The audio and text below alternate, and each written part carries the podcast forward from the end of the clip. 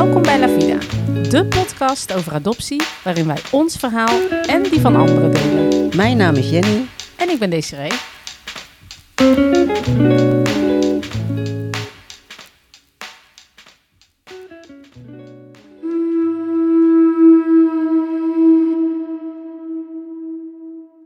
I am searching for something that is buried deep. A piece of me that has been lost in my sleep. My identity, my truth, my very being.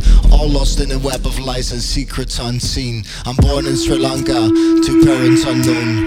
A young soul abandoned, left all alone.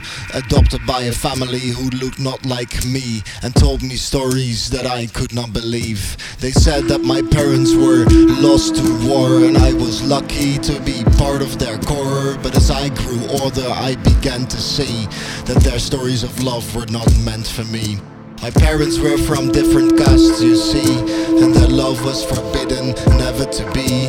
My father was a Tamil, my mother Sinhalese, and their love was a crime, a breach of peace. So they hid their love, and me along with it, sent me away, hoping to forget. But I couldn't forget, and I couldn't ignore the gnawing pain of not knowing anymore. Who am I? I ask myself every day.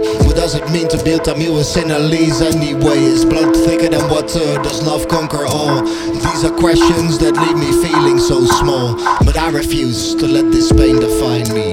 I will search for the truth until I am free. I will embrace every part of my identity and find the beauty in my diversity. For I am not just a lost soul in search of their truth, but a warrior, a survivor. I'm a living proof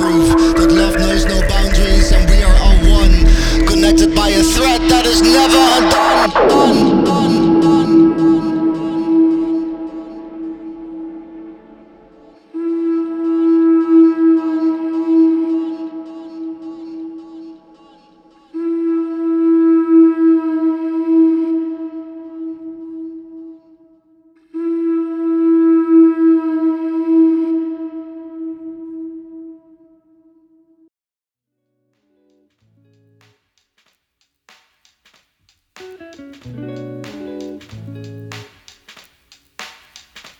So